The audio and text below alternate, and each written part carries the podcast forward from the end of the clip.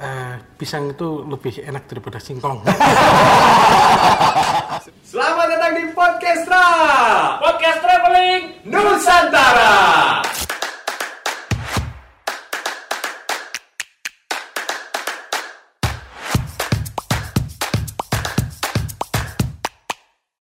Sobat Parekraf, ada Molan, ada Jody. Yes. Kita ketemu lagi di Podcastra. Podcast Traveling Nusantara Traveling terus Kreatif terus. Mantap Kita ngomongin seputar pariwisata. Wah harus mall Ini penting banget Gue butuh liburan mall Bukan butuh liburan dulu, butuh orang-orang yang Nah. siap membuat dunia pariwisata Indonesia semakin mm. Wah iya bener Temanya hari ini adalah Kawah Chandra di muka insan pariwisata Artinya itu adalah tempat penggodokan.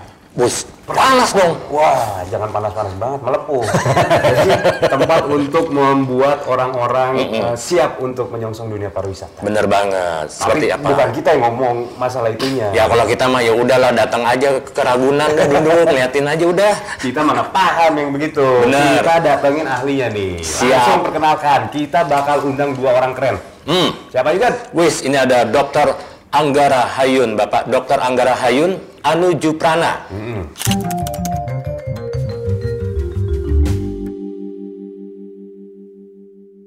STMT ya Pak ya? Betul. Dia adalah Kepala Pusat Pengembangan SDM Pariwisata dan juga Ekonomi Kreatif. Nah, Atau sebutnya PTNP ya? Itu itu sekolahnya ya? sekolah Oh, sekolahnya. per- perguruan Tinggi, Tinggi Negeri Pariwisata. Pariwisata. Ini penting mau. Tau gitu gue masuk situ mau. Hah, telat lo. Telat gua. Lo pengen di situ? Tadi gua kan ngambil ekonomi kedokteran mau. Ekonomi kedokteran Sama juga sastra mesin. Pak Hayun nggak sendirian. Ya. Ini mah nggak main-main ini yang Wah, ini dia nih. Kita masak air aja gosong mau. Nah, pokoknya wilayah kekuasaannya dapur, dapur, dapur, Nah. dapur. Betul. Kadang ruang tamu dikit. Iya benar. Mampir lagi ke dapur. Yes, kita punya seorang chef yang nggak cuma Hmm, terkenal di Indonesia, betul. tapi terkenal di luar juga. Iya. Chef Degan.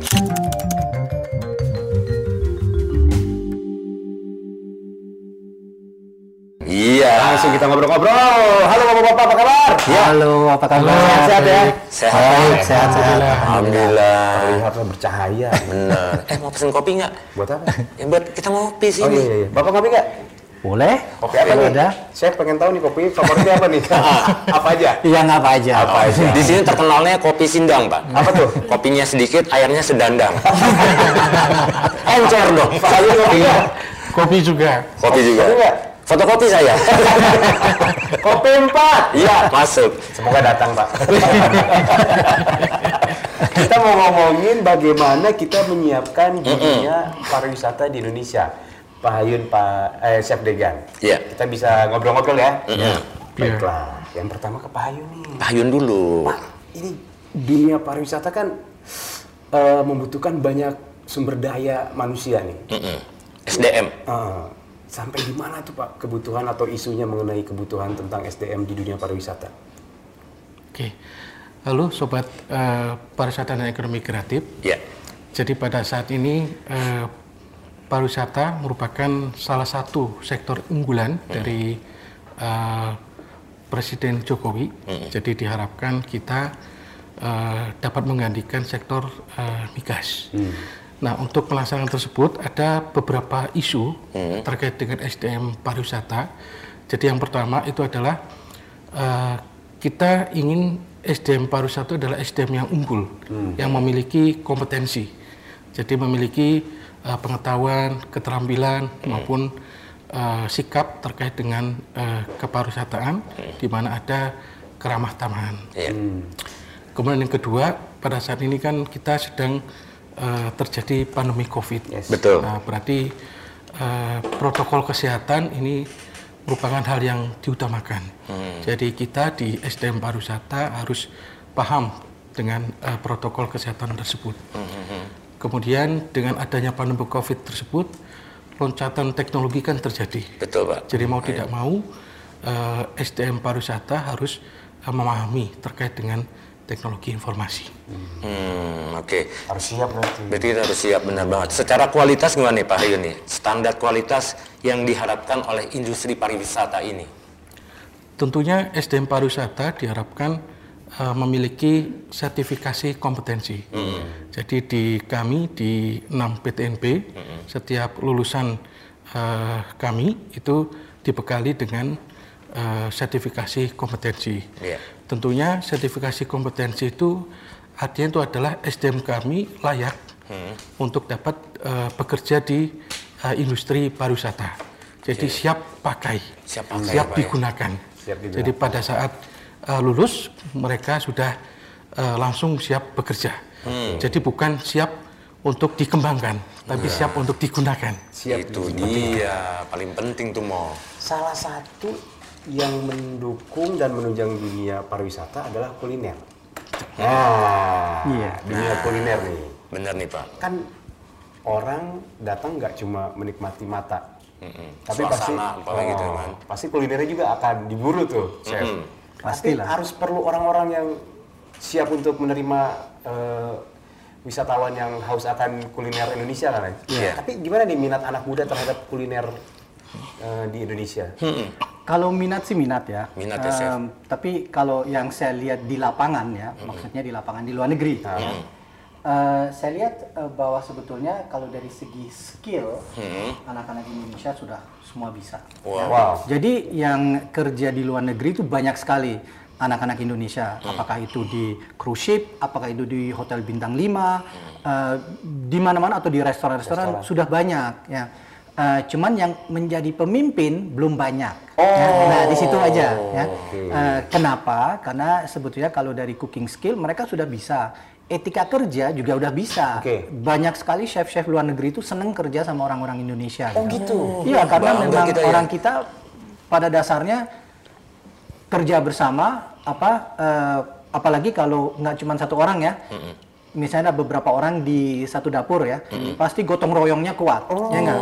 Dan kita biasanya nggak enak kalau belum selesai kerjanya. Oh. Ya, nah, itu yang membedakan kita sama misalnya eh, kadang-kadang eh, apa eh, chef-chef atau eh, koki-koki di luar gitu ya mereka mengikuti oh jam kerja jam sekian selesai ya udah saya pulang, Pulang. kalau kita kadang eh belum selesai nggak enak ya Bareng-bareng. kita selesaiin dulu gitu loh nah ya chef-chef pada suka yang kayak gitu ya nggak? Oh, oke. Saya kira nah, orang bule suka ngeliat ulekan kita.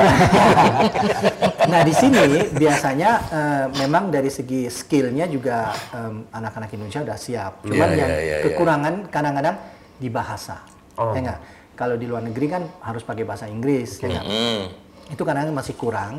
Otomatis confidence-nya kurang. ya, Oh, jadi iya, iya, eh, iya. rasa percaya diri ada kurang gitu loh. Hmm. Itu akhirnya larinya juga sedikit ke leadership. Jadi kita kurang em, menjadi pemimpin lah, ya nggak? iya. karena kurang kurang apa kurang berani ngomong kurang berani mengeluarkan ekspresinya begini caranya kurang mungkin kurang berani eh, tegur orang lain gitu loh ya nggak? kalau orang bule kan Bener salah ya. nggak salah tegur aja gitu ya nggak Orang kita nggak enakan, kalau orang kayak. kita masih nggak kurang enak gitu loh ya, nggak enak gitu loh nah itu mungkin yang membuat eh, di kita masih eh, kekurangannya cuma di situ tapi dari technical skill dari eh, etika kerja semua udah Udah oke mau. Sudah siap terjun tuh Sudah ya. siap. Wah.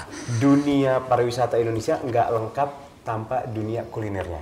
Bagaimana menurut Chef Iya Ria? betul karena memang eh, dari segi pariwis pariwisata kan istilahnya juga budaya Indonesia yang sebagian dari budaya Indonesia adalah makan ya nggak? Makanan Indonesia. Itu sangat penting apalagi dengan tren zaman sekarang.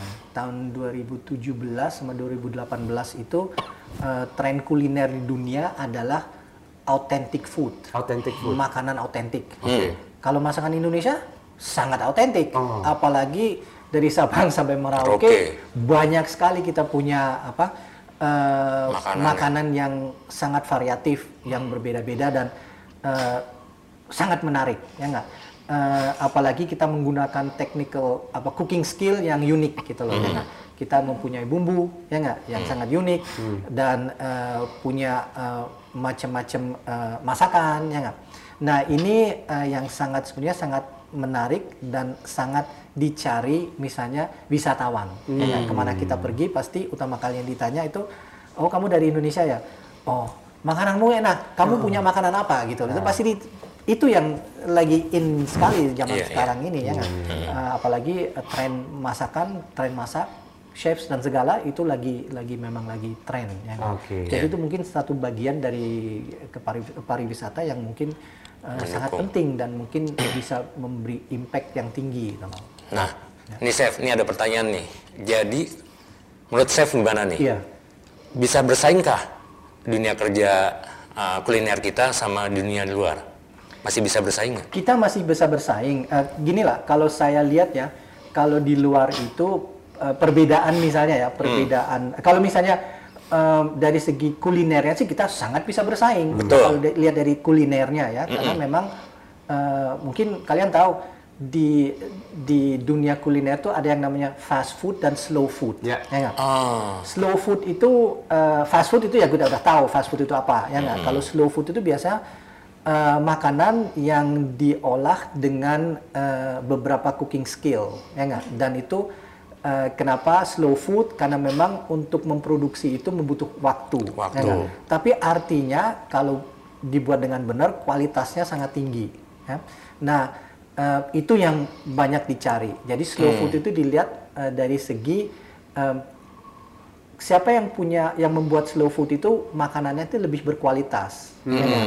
dan mungkin ada ceritanya ada budayanya di belakang itu itu sangat menarik nah masakan Indonesia adalah slow food. Oh, oke. ya bayangin kalau kita bikin salah satu masakan ya saya selalu kasih contoh ayam goreng. Ayam goreng. ayam goreng kalau di luar negeri ayam kasih garam merica mungkin sedikit tepung kita goreng jadi. Jadi. kalau di kita lebih rumit. Waduh. bikin bumbu dulu ya nggak? Habis bulat, bikin bumbu ya bulat habis bikin bumbu direndam dulu ayamnya dalam bumbunya sehari paling nggak supaya masuk bener rasanya. Habis itu diungkep dulu ayamnya habis diungkep baru digoreng ya nggak Iya, prosesnya. banyak Yes. ya tapi hasilnya luar biasa enak Oke. kalau memang sudah jadi Kalau kita bikin mal jadinya ayam sorry nggak jadi. Berarti kan tadi saya bilang eh, Iya. wisata kuliner menjadi bisa jadi salah satu yang diburu sama orang-orang di luar. Iya. Bisa- Berarti destinasi wisata nggak cuma alam dan pemandangan, Pak. Ayu? Iya Pak Yun. Bisa jadi wis- wisata kuliner bisa jadi tujuan wisata orang-orang luar nih. Betul, betul, Dan potensinya gede kayaknya. betul. Jadi eh, kuliner eh, merupakan salah satu dari eh, subsektor ekonomi kreatif, dan itu merupakan eh, penyumbang devisa yang terbesar juga. Oh, Kenapa seperti itu? Ya kalau kita lihat orang ya paling suka kan makan. Makan, betul, Pak Yun. Begitu ada makanan yang unik, itu Wah. justru yang dikejar. Betul. Jadi di sini makanya kami di eh, salah satu eh, PTNB itu ada STP NHI Bandung itu memiliki suatu eh, kekhususan yaitu terkait dengan seni kuliner. Oke. Tuh. Jadi kami eh, banyak menghasilkan eh, chef-chef dari eh, STP NHI Bandung. Nah, ini ngomongin soal STP dulu, zaman dulu namanya N- NHI ya Pak ya. Sekarang Sekarang tetap sama. Oh, tetap sama. STP NHI Bandung. Oh, itu kan ada di Bandung, ada di Bali, Betul. ya di Jogja juga ada nggak sih Pak? Nggak ada ya? Tidak ada. Cuman Bandung sama Bali. Bandung, Bali, kemudian Makassar, Oh, Medan, oke. Palembang, Nah. sama Lombok. Ada enam. STP Eh, kalau STP hanya satu di STP Bandung. STP Bandung. Kalau yang lain Politeknik Pariwisata. Nah, bedanya STP apa? Itu Pak. Bedanya nih. Kalau STP itu secara eh, kurikulum mereka eh, bergeraknya itu adalah di eh, akademis. Kemudian kalau Poltekpar ke vokasi. Jadi kalau kita bicara STP secara kurikulum itu 50% teori, 50% itu adalah eh, praktek. Praktek. Nah, Praktek. kalau eh, vokasi itu kebalik. Jadi prakteknya itu 70%, Oh, kemudian teorinya adalah 30%. Oke. lebih banyak prakteknya aja. Lebih banyak Nah, praktek. banyak praktek. Iya. Yang diminati nih sama anak-anak muda Indonesia. Yang Ya, mana nih? Yang mana nih Pak? Untuk Politeknik kah apa Studi studi? seni kuliner tuh yang paling diminati, Ya. kemudian eh, perhotelan, jadi Oh, perhotelan administrasi ya. perhotelan. Kemudian sekarang yang sedang ini tuh adalah mais, Mais. mais, betul. Oh. Nah kalau eh, seni kuliner Ya. itu terutama dengan adanya para chef ya, Pak. ya. ya Kemudian eh, beberapa waktu yang lalu dari Iya. STP Bandung juga sempat memenang, mem- menangi gitu ya, menang eh, salah satu kontes dari eh, Master Chef. Master Chef, ya. Jadi menjadi hal yang Ya, luar biasa ya. luar biasa seperti itu. Hmm. Kemudian Pak, eh, karena kita punya PTNP tadi Pak ya. Betul. Nah, usaha-usaha untuk bisa mengikuti standar internasional tuh apa aja Pak? Biar kita Bersaing nih, Pak. Iya, lulusannya siap bersaing. Mm-mm. Jadi yang pertama secara kurikulum, jadi kurikulum itu kita eh, sesuaikan dengan kurikulum internasional, yaitu namanya itu adalah TEDQual. Wall. Kemudian kita juga eh, kerjasama dengan eh, beberapa pendidikan tinggi di luar negeri. Jadi salah satunya misalkan di Malaysia dengan Mara University, kemudian di Swiss dengan IM I Swiss. Iya. Nah di situ eh, kita akan eh, memagangkan dosen, kemudian Oh, oke. eh, mahasiswa menyekolahkan ke eh, IMI Swiss. Jadi IMI Swiss itu salah satu eh, pendidikan perhotelan eh, terbaik di dunia. Dunia ya, Pak ya. Gitu. Kita sudah mengadakan MOU dan eh, karena pada saat ini pandemi COVID, jadi kita belum berani mengirimkan Iya, ke sana. benar, gitu. Mudah-mudahan segera, Segera ya, selesai ya. sehingga kita Amin. dapat eh, mengirimkan. Ya, amin. Kemudian kita juga eh, buka kelas eh, internasional. Mhm. Kemudian untuk eh, pengabdian ke masyarakat, kemudian penelitian yang Mhm. kita dorong supaya eh, skalanya itu adalah eh, internasional melalui jurnal-jurnal eh, Oh. internasional. Nah, itu dia tuh. Penting tuh, Mal. Ngomong-ngomong Kalau kita dikirim ke Swiss, bangga banget ya, Mal. Padahal cuma masak air doang, Mal. Gitu. itu beda ya? jadi kurikulumnya siap bersaing dengan eh, sekolah-sekolah di Iya. luar ya. Betul. Salah satu sekolah eh, kuliner di luar yang banyak dibicarakan orang adalah Le Cordon Bleu Wih, di depan kita. men. Dosen, pengajar, guru. Dua tahun. Waduh, gimana ceritanya itu, Chef? Iya, Chef. di sana. Hebat Ngeri. banget nih. Ngeri, ngeri, ngeri, ngeri. gitu. Enggak, enggak ngeri. kok. Oh, nggak ngeri ya? Sebetulnya sebenarnya gini, saya sendiri kan punya eh, passion di masakan Indonesia ya. Jadi eh, dulu karena waktu saya masih kerja di hotel, saya juga bikin beberapa promosi masakan Indonesia di luar negeri. Ya. Kemudian mungkin dari situ eh, kalau ada waktu itu kalau ada yang tanya soal masakan Indonesia, eh, eh, orang-orang suka merekomendasikan saya untuk misalnya bikin promosi di luar negeri.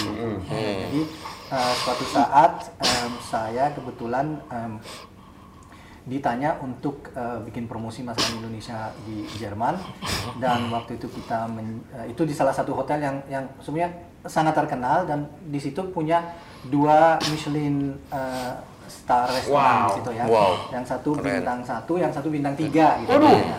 Nah, kebetulan kita dikasih kepercayaan untuk bikin promosinya di restoran yang bintang tiga. Tiga. Jadi itu dan di situ saya waktu itu, aduh, ini artinya standarnya harus sangat tinggi. Kita Iya. harus membawakan masakan Indonesia dengan standar yang sangat tinggi, supaya customer yang di situ benar-benar bisa mengerti masakan Indonesia dan kita bisa membawa message bahwa Indonesian food itu memang bisa bersaing dengan yang lain. Gitu, ya. Nah waktu itu em, formatnya dulu saya bikin eh, dinner ya, eh, seperti gala dinner, kemudian kita juga bikin demo dan cooking class. Oh, gitu, cooking ya. class juga. Nah waktu itu eh, waktu kita menjalankan itu ada Pak Dubes em, dari eh, Pak Dubes kita yang Di Jerman. Prancis, Oh, Prancis. Oh, di Prancis. Paris. Nah, beliau datang untuk mengikuti salah satu dinernya. Waktu itu saya nggak tahu situ. Kemudian eh, pas makan dinner di sana, biasanya setelah dinernya selesai, saya keluar, saya keliling semua oke. meja-meja dan eh, minta feedbacknya gitu loh. Terus Pak Dubesnya bilang, loh ini luar biasa, bagus, enak banget kan? Tuh, kok kok bisa begini? Gimana cara? eh, Kok kamu bisa bikin begini? Gitu. Terus saya waktu itu juga eh, ya biasa Pak, ini udah kedua kalinya saya bikin gitu loh. Terus em, eh, beliau mengundang saya ke ke Paris waktu itu karena dia mau bikin sesuatu yang eh, yang similar lah ya, yang yang seperti itu. Terus eh, waktu itu waktu ke Paris juga eh, dari dari apa? Dari KBRI juga uh, membuka jalan untuk kita bikin demo dan mengajar di Cordon Bleu waktu itu yang di Paris. Di Paris. Nah waktu pertama kali kita bikin luar biasa suksesnya maksudnya orang-orang di sana sangat-sangat tertarik dengan masakan Indonesia. Jadi waktu itu saya bikin formatnya saya membuat display bahan-bahan rempah-rempah Indonesia di situ, kemudian saya menjelaskan dulu semua bahan-bahan yang kita menggunakan di dapur di Indonesia. Oke. Cara masaknya menggunakan ulekan juga gitu ya. Di bawah ulekannya ya? Di bawah juga ulekan. Mereka sangat wah lihat itu sangat tertarik ya. Kagum-kagum ya. Kagum, kagum banget. Terus kemudian kita eh, apa eh, share dengan mereka bumbu-bumbu dasar Indonesia dan kita bisa apa aja dengan bumbu ini bisa dibikin ma- masakan apa aja gitu ya. Kemudian mereka eh, sangat tertarik, sangat sukses, sangat suka dan akhirnya eh, pemimpin di sana tanya saya karena mereka tahu saya berapa dua bulan kemudian eh, sorry dua bulan kemudian saya ke ke London karena di London juga ada promosi masakan Indonesia waktu Oke, itu. oke. Nah, mereka akhirnya kontak Cordon Bleu di sana supaya saya juga bikin demo yang sama di Cordon Bleu di London. Nah, itu akhirnya eh, sukses juga di sana. Nah, eh, yang membuat saya kaget adalah bahwa ternyata makanan Indonesia sangat-sangat disukai banyak eh, orang-orang ya di sana ya. Iya, iya. Eh, karena kita nggak cuman masak doang satu porsi, tapi kita ada 100 orang, kita juga mempersiapkan untuk 100 orang supaya bisa menyicipi. Ya, Jadi kalau bikin masakan Indonesia nggak cuman lihat aja, tapi juga harus bisa menyicipinya ya nggak Iya, supaya betul. dia tahu oh ini rasanya memang dari cara bikinnya rasanya juga enak. Pengalamannya Ya nggak? lengkap jadinya. Betul. Apalagi masakan Indonesia kan kayak bumbu ya. Betul, ya. betul kayak bumbu. Jadi em, mereka eh, juga banyak pertanyaan soal masing-masing bumbu ya nggak? Dan Iya. zaman sekarang kan bumbu-bumbu em, rempah-rempah Indonesia atau rempah-rempah Asia juga sudah bisa dibeli di di di sana ya Iya, sudah iya, ada iya. sudah available gitu loh. Nah itu dia tuh. Keren. Keren ya boleh. Waduh, saya merinding nih. Jadi Saya mau pingsan dua kali. jadi ya dua tahun eh, kita bikin di Paris, dua tahun kita bikin di em, di London juga. Oke, terus bocoran dong, chef. Iya chef.